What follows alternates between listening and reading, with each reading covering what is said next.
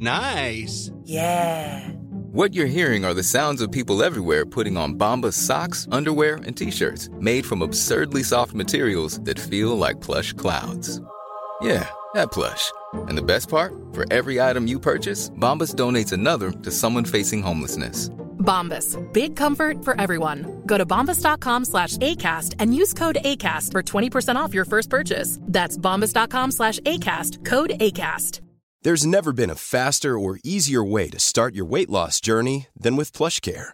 PlushCare accepts most insurance plans and gives you online access to board-certified physicians who can prescribe FDA-approved weight loss medications like Wigovi and Zepbound for those who qualify. Take charge of your health and speak with a board-certified physician about a weight loss plan that's right for you. Get started today at plushcare.com slash weight loss. That's plushcare.com slash weight loss. plushcare.com slash weight loss. Quality sleep is essential. That's why the Sleep Number Smart Bed is designed for your ever evolving sleep needs. Need a bed that's firmer or softer on either side? Helps you sleep at a comfortable temperature? Sleep Number Smart Beds let you individualize your comfort so you sleep better together. JD Power ranks Sleep Number number 1 in customer satisfaction with mattresses purchased in-store. And now, save 50% on the Sleep Number limited edition Smart Bed for a limited time. For JD Power 2023 award information, visit jdpower.com/awards. Only at a Sleep Number store or sleepnumber.com. This Mother's Day, celebrate the extraordinary women in your life with a heartfelt gift from Blue Nile. Whether it's for your mom, a mother figure, or yourself as a mom, find that perfect piece to express your love and appreciation. Explore Blue Nile's exquisite pearls and mesmerizing gemstones that she's sure to love. Enjoy fast shipping options like guaranteed free shipping and returns. Make this Mother's Day unforgettable with a piece from Blue Nile. Right now, get up to 50% off at BlueNile.com. That's BlueNile.com. I'm amazed how many people own stocks. They, they would not be able to tell you why they own. They couldn't say in a minute or less why they own it. Actually, you really press them down, they'd say the reason I own this is the sucker's going up. There's enough cash in the financial system, and there's an infinite amount of cash at the Federal Reserve. An infinite amount Put of cash. Put that check in a money market mutual fund. Then we'll reinvest the earnings into foreign currency accounts with compounding interest, and it's gone. So they had to do something. All they had left was just to print money and start buying things. And that's what they did. Quick buck artists come and go with every bull market, but the steady players make it through the bear market. Say money can't buy happiness. Look at the fucking smile on my face.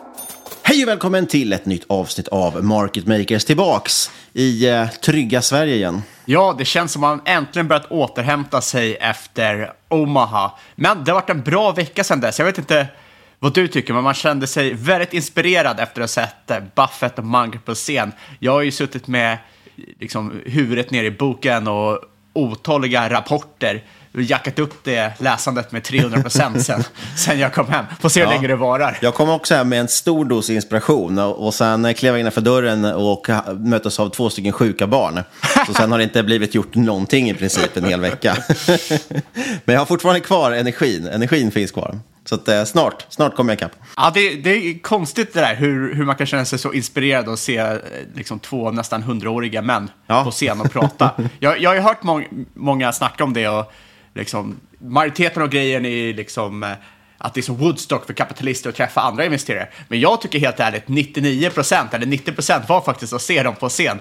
Jag vet inte vad det är, men eh, jag tyckte det var mycket häftigare än vad jag trodde det Ja, men jag håller med faktiskt. Man blir ändå, det är någonting inspirerande med att eh, dels att man kan vara så pass pigg när man är gammal, men också att man, att man kan veta så... De har ju en otrolig källa, det är en otrolig källa till kunskap. Liksom. Alltså, de är ju otroligt, otroligt duktiga och intelligenta märker man verkligen. Och det är väl det man blir inspirerad av, att det går faktiskt att själv bli så pass eh, smart. Om man bara fortsätter läsa väldigt mycket. De rekommenderade, det sa vi väl förra veckan, men de rekommenderade att läsa minst 500 sidor per vecka. Eh, så det får man väl försöka hålla uppe. Jag tyckte det var också sjukt kul. Men, och sen är det också väldigt mycket ändå att man är i konstant i den miljön, att man bara pratar investeringar med andra människor, träffar väldigt många som är väldigt mycket duktigare än en själv. Och eh, ja, då känner man helt enkelt att man vill steppa upp sitt game, som det heter. Ja, och sen jag, jag lyssnade på strax efter det en podd av han Jeff Gannon vi pratade om Mm. eh, förra veckan. Focused compounding, va? Exakt, och då sa han, han läser ju en årsrapport om dagen, vilket det är väl rimligt med tanke på att han jobbar med det. Det är liksom hans aktiva eh, stund där han tar in. Eh, information. Men sen sitter han och läser böcker i cirka tre timmar om dagen, minst. Så han, han brukar liksom köra igenom en bok var tredje dag ungefär. Mm. Och då kände jag också där, ah shit, då måste jag steppa upp mitt game lite. Ja, det är bra. Säg hej då till alla kompisar och familj och eh, sätt och läs böcker tre timmar om dagen istället. Du, vi ska inte prata om böcker idag. Vi ska prata om, ja, det, det ska bli lite vin faktiskt. Vinmarknaden, eh, som jag vet att många är intresserade av, och ett litet iGaming-case.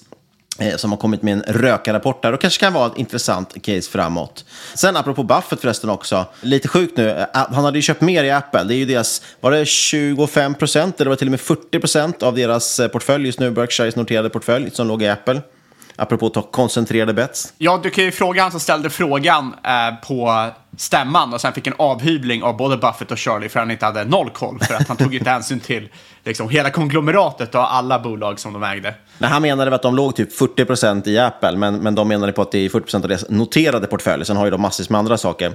Men Apples market cap, det har ju varit, ja, det har visat sig vara en väldigt bra investering för Buffett, trots att man sa att han inte kunde tech. Eh, Apples market cap var väl nu, är väl nu större än hela indexet Russell 2000, som ju ska samla egentligen 2000. Är det small cap får man väl ändå säga på Russell. Ja, exakt. Det, det är small cap, men det visar ändå storleken i Apple. Och för att komma tillbaka lite till det som vi snackade om förra veckan. Nej, Buffett och Munger, de kanske inte förstår själva tekniken bakom Apple, men de förstår ju konsumentbeteende. Och det är ju nästan viktigare i det här fallet. Det är väl det som kanske ger mer edge. Ja, helt ärligt så tror jag att ingen som har investerat i Apple kan nämna exakt allting om tekniken de har. Det är inte riktigt det som är det viktiga just i Apples fall.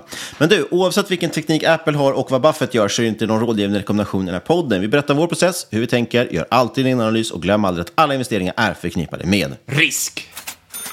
Ja, sen vill du prata lite Japan, Japan här på veckans topp tre. Ja, du nämnde ju Buffett i försnacket. Då passar det bra med Japan här. För vi har ju börjat se ett riktigt rally i Japan. Det har ju långsamt klättrat sig uppåt senaste året, men nu ser vi liksom eh, nivåer vi inte har sett sedan 90-talet.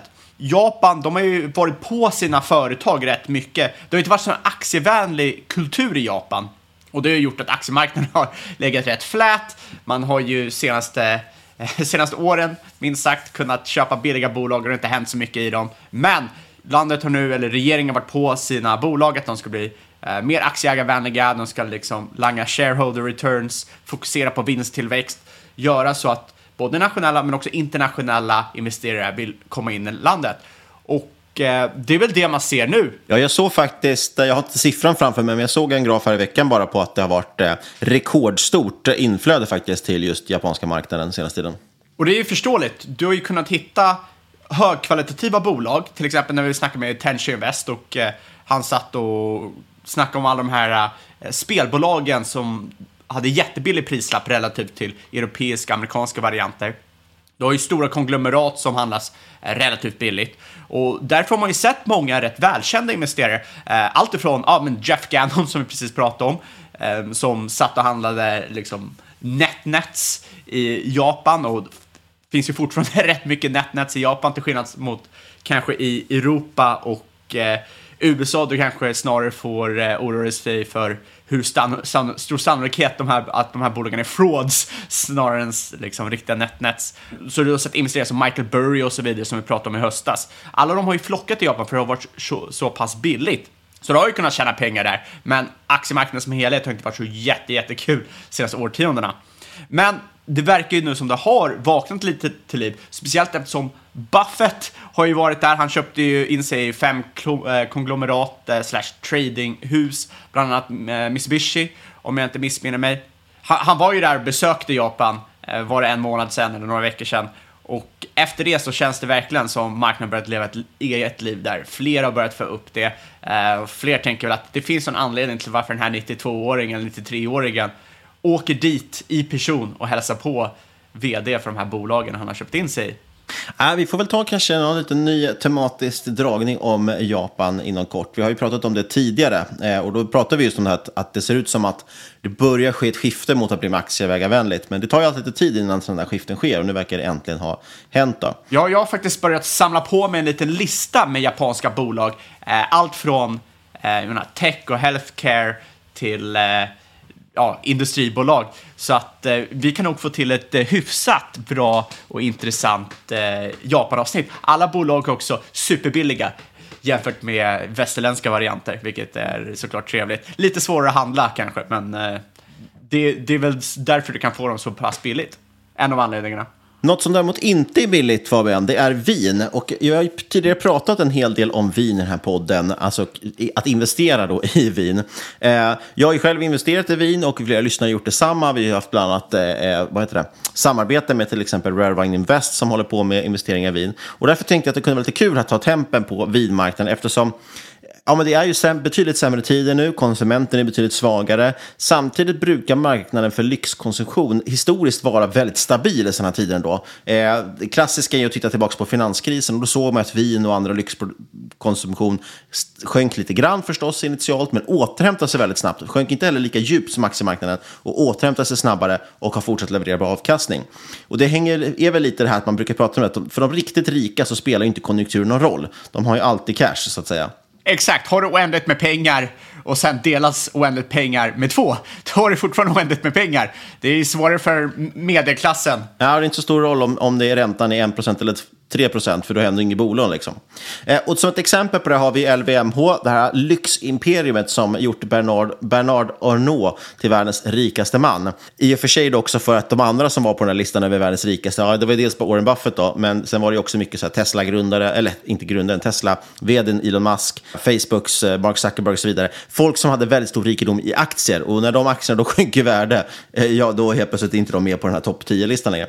Men strunt samma, han har i alla fall byggt upp ett imperium. Rätt häftigt också. Vi lyssnade ju faktiskt på en podd om honom nu när vi var i, när vi bilade till Omaha om hur han byggde det här imperiet. Och det var lite intressant. Jag, jag måste faktiskt erkänna att jag trodde att Orno kom från en, en stor rik familj, att han hade bara ärvt det här bolaget. Men han har faktiskt byggt upp det ändå från grunden, vilket var väldigt imponerande. Ja, han, han var ju en riktig, han var lite baller, gick in där och drog lite fina uppköp från staten och grejer. Precis, så man manövrerade ut ju ett, ett antal andra bolag och fick ihop det här stora imperiet. Eh, men vi ska inte prata om honom, men LVMH har ju varit otroligt stark, den aktien. Eh, den är uppe över 50 procent senaste året, vilket man kan jämföra då till exempel med Tesla som är ner 35 procent.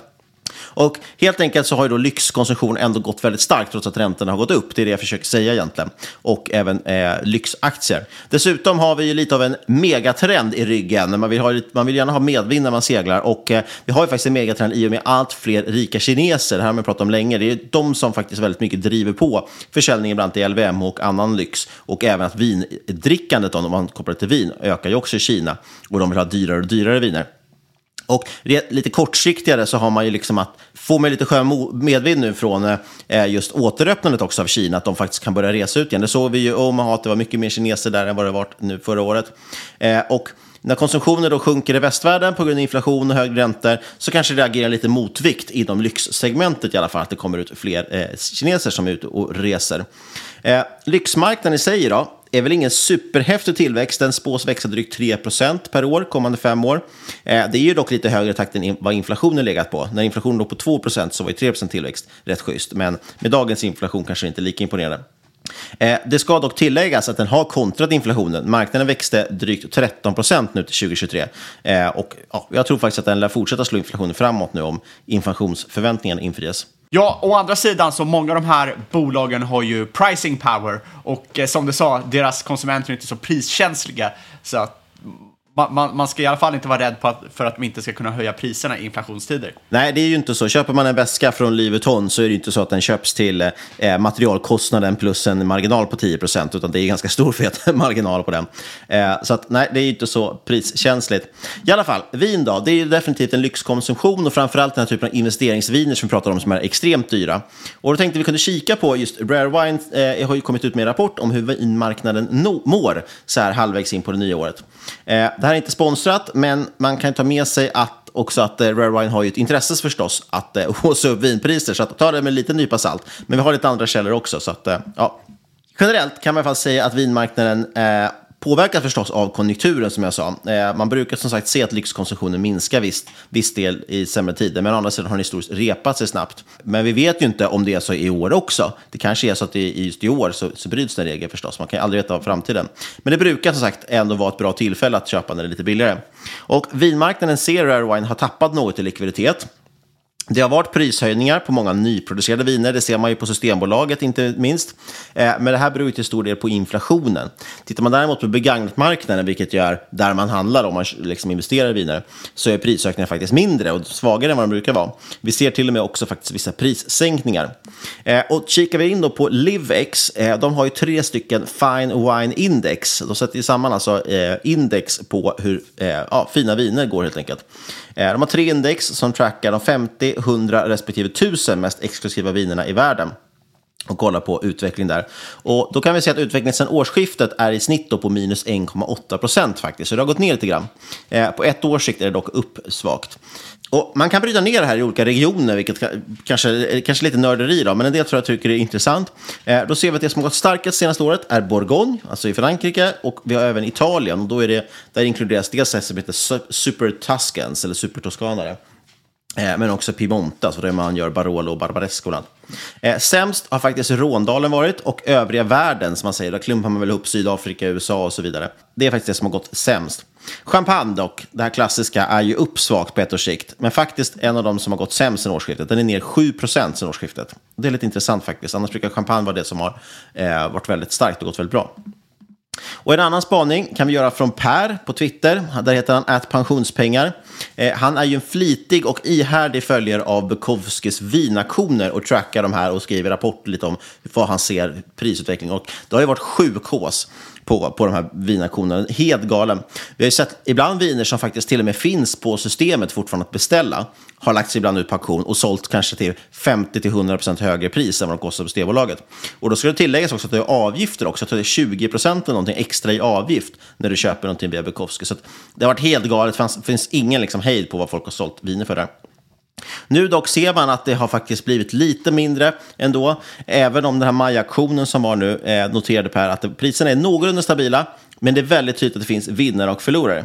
Till exempel såg man just inom champagne, Dom Perignon, fanns ett helt gäng från lite olika årgångar som inte ens såldes. Och det här är nog helt enkelt för att utbudet är för stort relativt efterfrågan. Och jag tror att det här beror lite på, jag, alltså det är lite olika. Dels tillverkar man inte de här prestigekampanjerna varje år och dels gör man det i olika stor upplaga lite beroende på årgången. Eh, så man kan inte ge en exakt siffra på hur många flaskor Dom Perignon som tillverkas när det väl görs. Men det handlar fortfarande om miljontals flaskor. Det är en av de kampanjerna som tillverkas mest av bland de här prestigekampanjerna. Och jag tror att väldigt många nog har köpt de här som just investeringsobjekt. Eller man kanske har unnat sig när det gått bra på börsen under 2020. Och sen så nu tänker man att ah, jag, jag auktionerar ut dem där så får jag in några tusenlappar. Eh, och ja, då helt plötsligt blir marknaden lite överflödad av dem. Så att de är inte kanske det hetaste och man ska äga, utan man vill kanske ha någonting mer unikt. Och då kan man titta till exempel på Kristall, det har varit intressant Eh, som är Louis Röders prestigechampagne. Eh, den produceras i dels färre årgångar som görs, men framförallt också mycket mindre volym. Där gör man ett par hundratusen flaskor kanske. Och de här har hållit uppe sina pris mycket, mycket bra. Eh, några nu på auktionen till exempel såldes till helt galna priser. Och sen upprepar Per också det som de här Livex-indexerna visar, det vill säga att Bourgogne är kanske den marknaden som håller sig absolut mest stabil. Och det är lite intressant. Jag tror att det kan vara, dels förstås för att det här är några av de dyraste flaskorna i världen. Och återigen, som vi sa, desto rikare man är, desto mindre priskänslig är man. Eh, några flaskor från DRC, Domän Romani Conti, som brukar kallas vinernas vin, klubbades ju för över 150 000 per flaska plus avgifter. Eh, så Bourgogne är väldigt intressant och Rare Wine skriver mycket om Bourgogne i sin rapport. De har ju satsat väldigt hårt på Bourgogne de senaste åren, både Bourgogne och Champagne. Eh, och de gillar ju den här regionen just för att den anses som en av de dyraste och finaste i världen. Samtidigt som den också är extremt liten. Och den här druvan man producerar där, Pinot Noir, är väldigt svårodlad. Eh, och det har gjort då, det här är ju lite hemskt, men på grund av klimatförändringarna har det också blivit svårare och svårare att odla den här druvan eftersom den är så känslig. Så att Bourgognes liksom produktion har ju varit katastrofal de senaste två, tre åren. Vilket då förstås blir positivt för prisutvecklingen, för det finns färre vin att tillgå. Till skillnad då från, som vi sa, Dom Perignon, som de köper ju in från massvis med vinbönder runt om i hela Champagne, så de kan producera väldigt mycket flaskor och väldigt många årgångar. Eh, och då helt plötsligt blir eh, utbudet mycket större. Annars, det som brukar vara klassiskt och handlar ju Bordeaux, men det är en region som jag vet att Rare Wine har ratat ganska mycket, eh, just för att den är så stor och det finns ett, ett överflöd där helt enkelt. Och det visar sig också nu på auktionen här, enligt det Per har spanat in, att de går betydligt billigare. Och det kan man väl ge som ett tips, att vill man faktiskt dricka ett moget äldre vin, inte bara köpa det för investeringens skull, då är det nog Bordeaux man ska titta på. Det går att hitta väldigt, till väldigt bra prislapp, drick mogen Bordeaux. Eh, slutligen här då, så säger också Rare, Rare Wine att de ser att det är väldigt bra efterfrågan på champagne från just Asien, eh, alltså då troligtvis Kina. Och det tror, vi, tror jag är på grund av det här återöppnandet av Kina som jag, som jag nämnde tidigare. Blandar man ut det med lite äppelsaft där? För det har jag hört att många kineser gör med rödvin till exempel. Blandar man ut det med Coca-Cola? Ja, men det är väl så. De är ju inte klassiskt en, en vindrickande nation, men det här ökar ju på mer och mer, framförallt när kanske många blir rika och vill liksom testa på det lite mer västerländska livet. Ett, en indikator på att Kina håller på att återöppna sig, det är att Bloomberg rapporterar nu att eh, kasinointäkterna i Macao sakta men säkert håller på att återhämta sig efter covid. Eh, som sagt, så det är tydligt att landet håller på att öppna upp igen. Eh, och Global Data förutspår att vinmarknaden i Kina kommer att nära dubblas kommande tre år. Eh, enligt Bain ska Kina år 2025 vara världens största marknad för lyxprodukter också. Så det där växer ju enormt starkt där. Och det är intressant, för Kina är så extremt litet just, just inom vin. Det är verkligen ett ställe som, som, som har stor potential att växa. Eh, idag är Kina den 14 största exportmarknaden för champagne bara. Eh, det är alltså mindre än en tiondel av vad USA eh, importerar från champagne. Och ska man jämföra någonting, Kina är faktiskt bara marginellt större än Danmark. Eh, eh, och Danmark har 6 miljoner invånare, så det är extremt lite champagne som dricks i Kina. Men det, så det kan bara gå uppåt, skulle jag säga. Eh, så att Rare Wine, när de tittar på vad de tycker är intressanta så pekar de framförallt just på Bourgogne och Champagne som intresserar, intressanta investeringsregioner, men även Italien, eh, där just Barolo och Barbaresco sticker ut lite grann. Men som sagt, brasklapp att Rare Wine säljer ju som sagt en produkt att man ska investera i det här, men jag tyckte det var lite intressant att, att återkoppla lite hur det ser ut. Så att vi har haft en hyfsat stabil prisuppgång, eh, eller priser i, i framförallt Bourgogne. Och eh, champagne däremot har gått lite svagare. Och det är väldigt tydligt nu vilka som är liksom vinnare och förlorare. Och framåt så känns det fortfarande dock som att det är champagne och Bourgogne är ganska bra, två ganska bra regioner att investera i. Två klassiska regioner. Och, och, om jag förstår det rätt är det de dyraste vinerna som behåller sin, sitt pris medan de andra faller, faller ner i värde. Eh, är, är det rätt eller har jag misstolkat lite här nu? Till viss del. Jag, jag skulle säga att det, det till, eh, stämmer till stor del. Jag tror att det är den största faktorn att egentligen utgå från. Att desto mer exklusivt och dyrt det är, desto bättre håller det sitt pris i princip. Och det beror nog på, som vi sa, att, att desto rikare du är, desto mindre konjunkturkänsligare. Om du köper viner som kostar 150 000 kronor flaskan, då, då struntar ju du i, som sagt, om räntan är 1% eller 3%. Eh, däremot kan det bli väldigt känsligt just med de här ja, men vissa champagner till exempel som, som ändå gemene man har haft råd med de senaste åren, men som de kanske väljer bort nu för att bolånen är för dyra. Men sen det andra stora man ska tänka på är ju också eh, utbudet. Efterfrågan är oftast ganska konstant, den går, tickar sakta men säkert uppåt. Men utbudet är väldigt annorlunda och det är lätt, rätt, rätt intressant att titta på. Och där kan man ha problem som vi sa i champagne. Att typ Dom Perignon till exempel produceras i så stora volymer att har man en liten dipp i marknaden, ja då helt plötsligt så, så finns det ett litet överflöd av dem. Sen på sikt kan det fortfarande vara jättebra. Det är kanske nu man ska köpa dem när de är lite billigare. Medan då som sagt med Bourgogne som är så extremt litet och som har sådana problem med klimatförändringar, att det blir varmare och då svårare att odla den här druvan. Eh, de, eh, där liksom håller sig priserna jättestabila och kanske till och med går upp för att det, utbudet helt enkelt blir sämre för varje år som går. Ja, det är jätterimligt. Prissätts på marginalen som mycket annat och råvaror och liknande. Och exakt som du säger, eh, väldigt rimligt att mellanklassen squeezas här eh, när inflationen går upp och räntan stiger. Eh, det som de tidigare hade råd med har de inte längre råd med. Eh, det som de kanske köpte är det ingen som har råd med en högre prislapp som kanske kommer in och köpa. Och då är det rätt rimligt att det faller i pris. Nej, och ska man vara rent krass också, jag menar, anledningen till att det går att producera så stora volymer av viss champagne, alltså ändå hundratusentals, ibland till och med miljontals flaskor, det är ju för att de dricks på ett annat sätt också. Eh, en dyr flaska Bourgogne, absolut, visst är det några som kanske beställer in det på restaurang som inte riktigt vad det är för någonting. Eh, men generellt så är det ändå någonting som väldigt, väldigt rika människor köper för att dricka till mat, liksom på restaurang eller på middagar hemma. Eh, Medan champagne är ju också en festdryck ändå. Eh, och att man vaskar champagne och man sprutar champagne och varje gång de spelar for, kör Formel 1, liksom någon vinner, så sprutar man champagne på den. Alltså det finns ju ett annat slöseri inom champagne. Det är ju det som har gjort att volymerna går åt på ett helt annat sätt. Du kan beställa in som ett, som ett liksom ja, vad ska man kalla det för ens? Ett, ett, power move höll jag på att säga, men det är inte så mycket power move. Men om man ska försöka liksom, går, åk ner till Stockholmsveckan i Båstad så ser man att folk försöker by, köpa sig status genom att till exempel beställa in liksom, eh, 12 stycken flaskor av någon dyr champagne. Eh, och det där tror jag går ner mycket mer. Det, den typen av människor är nog känsligare för räntor kanske än de här ultrarika som köper, som sagt, eh, en flaska DRC för 150 000. Det är liksom två olika typer av konsumenter. Och, och då blir champagne känsligare när volymen går ner. Men jag, jag tycker också det här är intressant att ta hänsyn till till exempel om man är intresserad av att investera i moderbolag och eh, lyxbolag, att man kanske ska då hålla sig till topp topprankerna, Hermé och liknande, och kanske inte ha det här mellanlyxlagret. Jag vet väl kanske inte, men Dolce Gabbana och liknande kanske eh, klassas där, där det kanske är mer åtråvärt för de som inte har lika mycket pengar. Eh, Hermes såklart åtråvärt också, men det kanske är en liksom, prisklass för högt och då kanske det drabbas lite mer än de här ultralyxmärkena.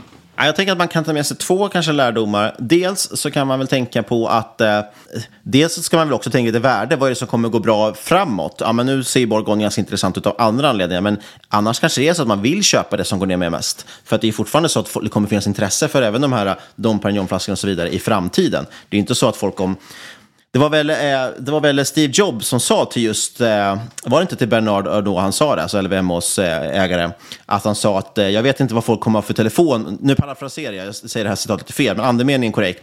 Han sa i princip att jag vet inte vad folk kommer använda för telefon om tio år, eller förlåt om hundra år, men däremot vet jag att de kommer dricka champagne. Mm. och, och det ligger, eller förlåt, hans, det känns dumt att rätta sitt eget citat flera gånger, men han sa i princip att jag vet inte om folk kommer ha en iPhone om hundra år, men däremot kommer man fortfarande dricka Dom Perignon. Så tror jag han sa, lite mer exakt. Och det handlar ju om att det, det är en typ av brand som, som liksom aldrig går ur tiden. Eh, och dessutom blir de här produkterna, det finns ju ett, ett värde i årgångarna, liksom, att, att de är äldre så att säga. Så att det spelar ingen roll att det kommer nya varje år, utan det, det är intressant, de gamla årgångarna är också intressanta. Ja, vad vill jag säga med det? Jo, att det kan fortfarande, kanske nu man ska då, om man är värdeinvesterare, köpa de som har gått ner mer. Jag vet inte.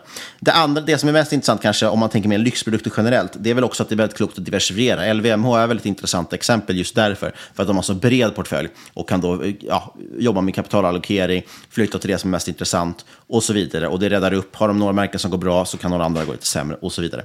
Så det var en liten inblick i det. Nu går vi vidare för någonting. Eh, om vi har några nykterister som lyssnar på podden så tycker jag att vi hoppar vidare till nästa ämne och kanske går in på veckans case. Eller vad säger du? Ja, det tycker jag låter jättebra. Och då är det tyvärr, finns det en liten risk här att vissa helnykterister och kanske också är emot eh, kasinospel och dobbel på nätet. Och då kommer de bli besvikna igen Fabian. För att eh, nu pratar vi inte offshore här, men vi fortsätter på anti-ESG-spåret. Jag tänkte prata om det lilla iGaming-bolaget Fantasma Games. Eh, jag har ju snöat in lite på det här just nu med att titta på väldigt små bolag och det här är ett litet bolag, börsvärdet på ynka 250 miljoner. Eh, dessutom ganska låg, eh, hyfsat låg likviditet i aktien. Så man får väl ta med, med sig sina mest skarpa glasögon, sina mest kritiska glasögon och sitt största saltkar när man lyssnar på det här caset. För det är eh, hög risk på så sätt att det är låg likviditet och ett litet bolag. Shit, här sitter du och pumpar. Exit liquidity. Precis. Nej, och det, det, kan jag väl tillägga om det är någon som är kluven inför det. Jag har, nu har jag bara en väldigt liten chanspost i det här bolaget, så det är inte så att jag liksom skulle tjäna någonting på om den pumpar upp kursen. Eh, men dessutom så har vi ju alltid tydliga regler. Vi, vi handlar ju och säljer inte med de bolag som vi pratar om i podden eh, inom liksom, samma veckor som vi släpper podden. Det skulle vara väldigt, eh, väldigt problematiskt. Men Eh, Fantasma Games i alla fall. Eh, handlas till ticker FAGA. Eh, och de är noterade på First North och eh, du, tänker på, du tänker på Magal nu, eller hur? så det är så jag kommer ihåg tricken i alla fall. Faga och Maga, så tänker jag. Exakt, det var det jag tänkte på. Det var det jag tänkte på. eh, det är i alla fall en slottleverantör. De är helt enkelt en B2B-leverantör av slots. Jag vet inte, behöver vi förklara den här affärsmodellen någonting tydligt? Eh, de säljer helt enkelt sina slottsspel, alltså, eller RNG som det kallas, Random Number Generator. Det vill säga du, en enarmad bandit helt enkelt på nätet säljer de till operatörer. Som till exempel Bet365, Leo Vegas, Caesar Palace, den stora klassikern i, i Las Vegas, eh, DraftKings med flera. Med flera. Eh, och det här är ju en tillväxtmarknad. Vi vet själva att eh, ett eh, eh, eh, online-casinomarknaden växer väldigt mycket. Tyvärr, får man väl säga. Eh, men den går väldigt bra och tyvärr brukar det vara så att det brukar vara ganska stabilt i dåliga tider. Eh, det ser man ju samma sak med rökning och så vidare, att folk drar inte ner på den typen av dålig konsumtion under dåliga tider. Det kan till och med ibland vara så att folk drar upp på det för att de hoppas att kanske vinna eh, på, på enarmade banditen för att kunna betala bolånet. Då. Ja, det, men det är faktiskt rätt roligt. Uh, är det roligt? Nej, inte, roligt, men man, man, man, man, drar en parallell till eh, liksom, ekonomisk teori där alla människor agerar rationellt.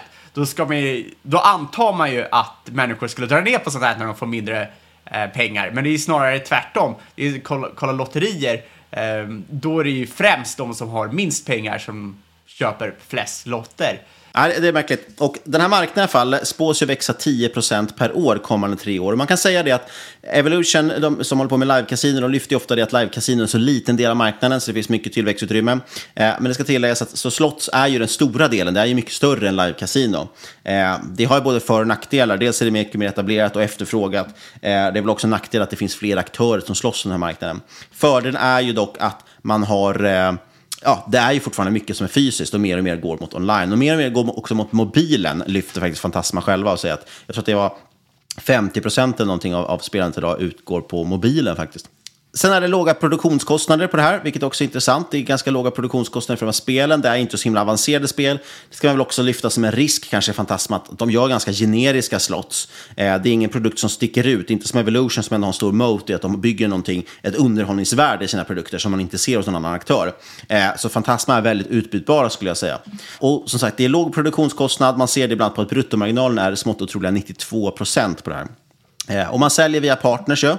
så att man har egentligen inga direkta kostnader för expansion skulle jag säga. Utan man knyter nya partner till sig, nya operatörer, eh, vilket gör att man då kommer ut längre och bredare med de produkter man redan har. Men sen kan man också lansera nya produkter, då går det ut på alla operatörer och så får man eh, mer intäkter. Så att, väldigt skalbar modell helt enkelt, väldigt digitalt, det är det vi gillar. Och... Eh, spelstudion har, det är en svensk spelstudio, de har snart tio år på nacken eh, och man har eh, runt 40 anställda i Sverige och Bulgarien faktiskt. Varför är det då det här bolaget intressant? Jo, det handlar egentligen om att man har uppnått en väldigt hög tillväxttakt senaste tiden. Det har verkligen lossnat för bolaget och framförallt att eh, lönsamheten börjar komma här. Och det där gillar jag, det har jag pratat mycket om i podden. Jag gillar de här bolagen som börjar upp till den nivån där man når den typen av skala att det börjar bli lönsamt. För då kan marginalen väldigt fort expandera uppåt. Föregående år ökade man nettoomsättningen med 300 procent. Samtliga intäkter växte 176 procent, men här får man vara lite noggrann. Jag tycker att det är lite rörigt hur man pratar om intäkter och omsättning, för det är väldigt olika saker i det här bolaget. Nettomsättningen som de kallar det, det är de faktiska intäkterna, det de tjänar på sina spel, plus eh, aktiverat arbete som utgör 7,5 av de totalt 38,6 miljoner man redovisar i intäkter.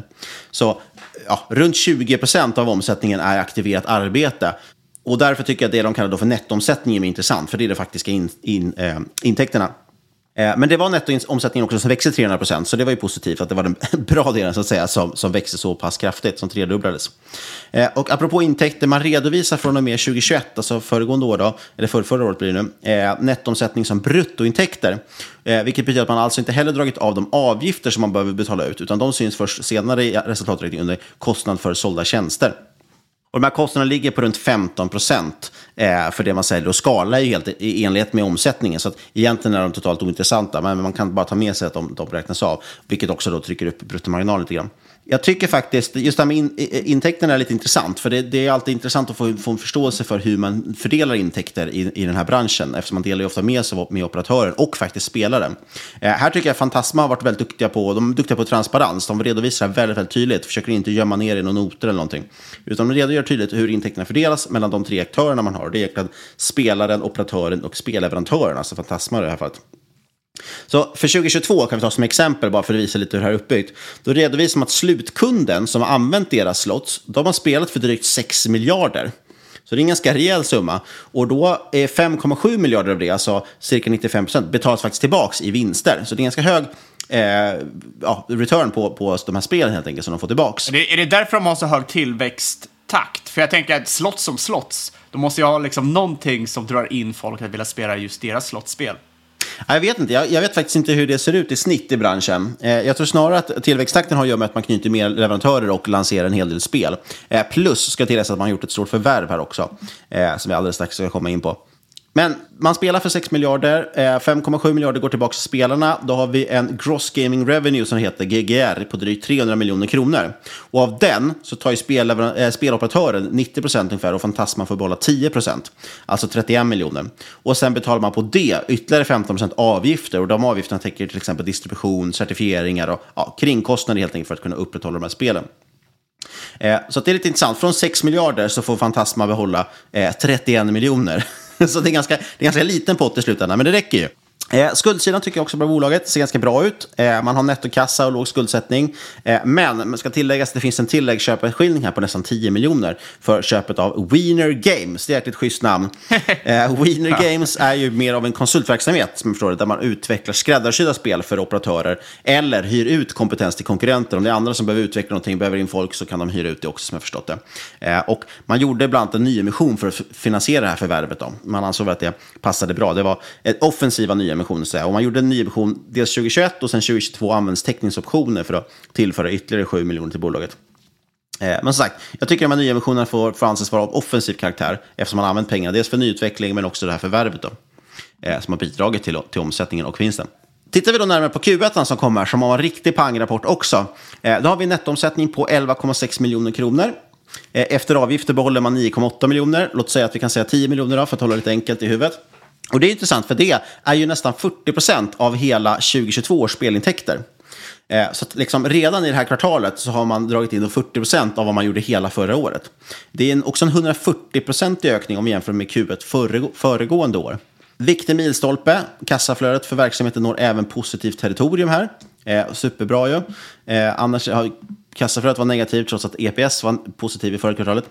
Ebitda var negativ 2021 vände till plus 2022 och då hade man en ebita-marginal på 18 procent. Nu under Q1 2023 är ebita-marginalen på 39 procent. Så vi ser just det här med att det är kraftigt ökade marginaler för att man börjar nå skala i det. Eh, man har ju en ganska fast kostnadsbas i form av ja, i princip anställda och lite, lite ja, overhead helt enkelt. Så då handlar det om att sälja en viss mängd spel eller sälja en viss mängd liksom spelande på de här för att då nå upp över, eh, över det taket. Och då helt plötsligt kan man få väldigt höga marginaler. Det är precis det man sett i Evolution utan att jämföra dem i övrigt. Och nu äntligen, EPS, alltså vinst per aktie, är nu positiv också jämfört med föregående år. Och det är intressant, och tittar vi på senaste fyra kvartalen, eller rullande 12 som vi brukar säga, så har man ju en vinst per aktie på ynka 0,05 kronor. Vilket med dagens aktiepris då på 73 kronor, och vi spelar in det här, annars har inte kollat priset idag, men vi spelar in det här 17 maj. Eh, när jag skrev det här 15 maj så var det 73 spänn, och det är väl ungefär liknande idag, jag tror det är 75 kanske idag. Då får man ett helt astronomiskt P tal helt enkelt. Men måste vi tänka på att det är bara senaste två kvartalen som har varit positiv, positiva, eh, där man har haft vinst på sista raden. Eh, och liksom, ja, förra kvartalet så var det bara 0,07 kronor per aktie. Men den här siffran tiodubblades nu till senaste kvartalet, 0,6 kronor per aktie. Så det är det här vi liksom vill titta på och fundera på. Vad gör den här tillväxten och marginalresan med P talet väldigt snabbt? Eh, och då kan man göra två små räkneexempel. Först gör vi ett enkelt och det är att helt enkelt ta bara Q1 gånger med 4. Låt säga att de skulle hålla uppe samma takt nu som i Q1, fyra kvartal i rad. Då får vi alltså 4 gånger 0,6 kronor per aktie, det är ett P på 30 för året. Eh, då börjar det bli ganska intressant för ett bolag som växer ja, någonstans mellan 150 till 300 procent. Eh, sen har jag gjort en, tycker jag, då, enligt mig hyfsat konservativ prognos eh, för 2023. Eh, där jag räknar på att den totala tillväxten för 2023 blir 70 procent. Och det är förstås en jättehög siffra. Men så att man kommer från ganska små nivåer, eh, mera förvärvet och så vidare. Det borde vara, inte vara så svårt att slå det. Jag tror egentligen att man kommer ligga betydligt högre än det. Med tanke på att man låg nu på 160 procent tillväxt i Q1. Hur, hur, hur kommer de växa framöver? Är det att knyta fler leverantörer då? Eller kommer det mycket bero på att fler använder deras spel hos befintliga leverantörer? det är väl dels som man kan ut till nya operatörer. De knyter ju till sig några... Ja, operatörer, förlåt. Men ja, man knyter några operatörer till sig. Eh, ja, senaste kvartalet var det ett gäng. Eh, och sen så har man även spellanseringar. Sen ska man väl ta, alltså, tänka på det att spellanseringar, hur mycket spel du än trycker ut, spelar egentligen ingen roll eftersom kunden har ju bara en viss plånbok. Eh, men så på sikt så, så, borde man väl närma sig den här 10% per år som marknaden växer, i bästa fall. Men annars är det ju egentligen att, framförallt att du knyter nya leverantörer, men också lite med att du knyter ut nya spel. Eh, för du konkurrerar ju, de flesta operatörer har ju flera leverantörer. Eh, det är det folk har missförstått, till exempel om Evolution, så säger man att det finns inga, eh, det kommer ju komma konkurrenter, men det finns ju konkurrenter till Evolution. De flesta operatörer har ju flera leverantörer av, av bland slots och även eh, live-casino. Och sen är det ju kunden som väljer det som är mest intressant. Och det är väl det som jag ser som sagt största risken i det här bolaget. Förutom att det är ett litet bolag, vilket alltid liksom, tycker jag är en liten oro. Vad, vad, vad har de för incitament och vad vill de göra med bolaget? Och det kan slå väldigt snabbt, eh, saker och ting. Men, men den andra risken jag ser det är väl att de är ändå ganska generiska, skulle jag säga, slottleverantörer. Sen kanske de är svinbra på att sälja, de kanske har något annat, någon annan mode som inte jag riktigt ser än. Eh, men, men är det generiska slott så är det ju alltid någon annan som kan slå ut dem egentligen, som gör bättre slots. Eh, men så det handlar väl om att man levererar ändå nya spel så att det händer någonting intressant och kunderna vill prova någonting nytt. Eh, ja, och då helt enkelt spela mer på deras slots. Eh, men just nu handlar det om att man har nått en form av skala, man har nya operatörer som gör att det växer. Eh, och då borde man kunna hålla den här ganska sanslösa tillväxttakten i alla fall året ut. Eh, så jag har bara tittat för året och då har jag räknat med att man skulle landa på en 70% tillväxt, vilket faktiskt det låter galet, men det tycker jag är en ganska konservativ prognos om allting fortsätter som, som det har gjort nu. Jag har räknat på att man ska ha en vinstmarginal på runt 25% över helåret och då får jag en vinst per aktie på 4,1 kronor, vilket då ger P 18 på det här. Och det är väl intressant. Jag kan tycka att P18 för det här egentligen är kanske lite dyrt med tanke på att det är ett eh, ja, ganska litet bolag som sagt. Det är ändå ganska mycket risker i det. Eh, det skulle väl värderas lite lägre, men å andra sidan har jag räknat väldigt lågt. Då, så att någonstans tycker jag att det känns ganska fair kanske. Caset ligger lite grann i att ja, trots att aktien har gått väldigt starkt, den har gått plus 350 procent senaste året, nästan 80 procent sedan årsskiftet. Trots att det känns som att den skulle kunna ha lite mer att ge, just för att man har den här fundamentala tillväxten. När den driver på, man får den här lönsamhetstillväxten, så kan det gå ganska fort. Och då plötsligt kan market cap börja sticka upp, det är fler som börjar kolla på bolaget. Du får, får helt plötsligt lite mer analystäckning kanske, eh, du får fler, mer intresse för det. Eh, och... Eh, ja, marginalresan gör helt enkelt att det helt plötsligt börjar det se mer attraktivt eh, värderat ut, även om du inte har räknat på det själv. Eh, även om du kollar på rullande 12. Eh, och då är det fler ofta som är intressanta. Så jag har, bara, men jag har dock bara en liten chanspost i det här, eh, av flera anledningar. Just för att det är ändå ett, så ett litet bolag också. Sen ska man tillägga slutligen, då, sista risken vi lyfter här innan jag lämnar med det här, är också att man har som sagt precis vänt till lönsamhet. Eh, jag tror att den, den resan fortsätter, men det är ingenting som säger att den behöver göra det. Det kan ju vara så. Och risken då är att man får en väldigt stor besvikelse om det visar sig att det här inte var ett trendbrott, liksom en ny trend med lönsamhet, utan en one-off. Att ah, vi hade lite tur det här kvartalet och sen så upprätthålls varken tillväxten eller lönsamheten. Eh, och då blir det förstås väldigt tråkigt i den här typen av bolag. Men sagt, tycker att det är värt en liten chanspost. Jag tycker att det är ett intressant bolag ändå eh, som kan, kan förhoppningsvis växa till någonting fint. Och kan man hålla uthålligt hålla lite högre tillväxt, inte kanske 180 eller 300 procent per år, eh, men ändå en hyfsad tillväxt, 30 procent per år, så kan det vara väldigt, väldigt intressant. Det är åtminstone en sektor som vi båda gillar, eh, och speciellt i den här typen av tider också. Ja, absolut. Men det är som du säger, risken här är ju att de inte kan hålla uppe tillväxten eh, eftersom det kan vara svårt att differentiera sig som, som slots. Ja, men precis. Så jag, jag har en liten chanspost där och jag, jag kommer väl försöka utvärdera och titta på det några kvartal framåt för att se att de, de kan fortsätta det här. För då kan det bli rätt intressant. Och kan man hålla högre tillväxt som jag har räknat, som jag ändå tycker är, som sagt, är konservativt räknat, eh, då växer man ju väldigt snabbt in i en väldigt attraktiv värdering också. Och det var dagens podd. Och som sagt, ja, full transparens. Nu har jag sagt det ett gäng gånger, men jag har som sagt en liten post i Fantasma Games. Och jag äger även vin. Jag vet inte om man behöver deklarera det. Eh, man måste deklarera exakt vad du har för viner. Ja, det kan, det kan, jag göra om du vill. Men framförallt måste man deklarera om man ska ta det genom tullen. Men det ska jag inte göra. De ligger nere i Danmark, som tur är. Du äger dock inte Fantasma Games, vad jag vet, eller hur? Nej. Och när, när, när man kikar så här. Det är ett litet bolag, men det har ju ändå varit omsättning på några hundratusen. Eh, så det, det, det, är inte som vissa andra illikvida bolag man ser där det är omsättning på några tusen lappar om dagen.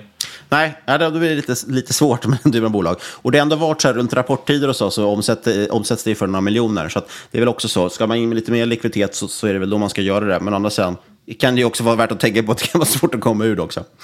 Oavsett i alla fall vad vi äger eller likviditet, vad du har för likviditet i portföljen så ska du komma åt inte någon rådgivande rekommendation som ses i den här podcasten. Alla åsikter var inne, eller gäst och eventuella sponsorer tar inget ansvar för det som sägs i podden. Tänk på att alla investeringar är förknippade med risk och sker under eget ansvar. Om ni har några frågor kan ni kontakta oss på podcast at marketmakers.se eller på Twitter och iocaps at marketmakerspod. Och glöm inte lämna en recension på iTunes. Och sist men absolut inte minst, kära lyssnare, stort tack för att just du har lyssnat. Vi hörs igen om en vecka.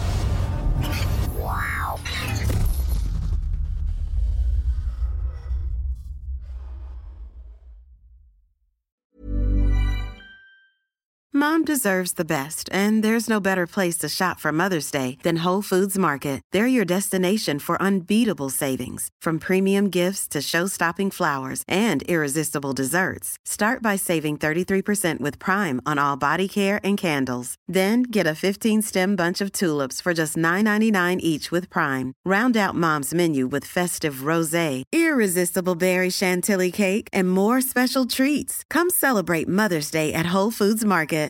Support comes from ServiceNow, the AI platform for business transformation.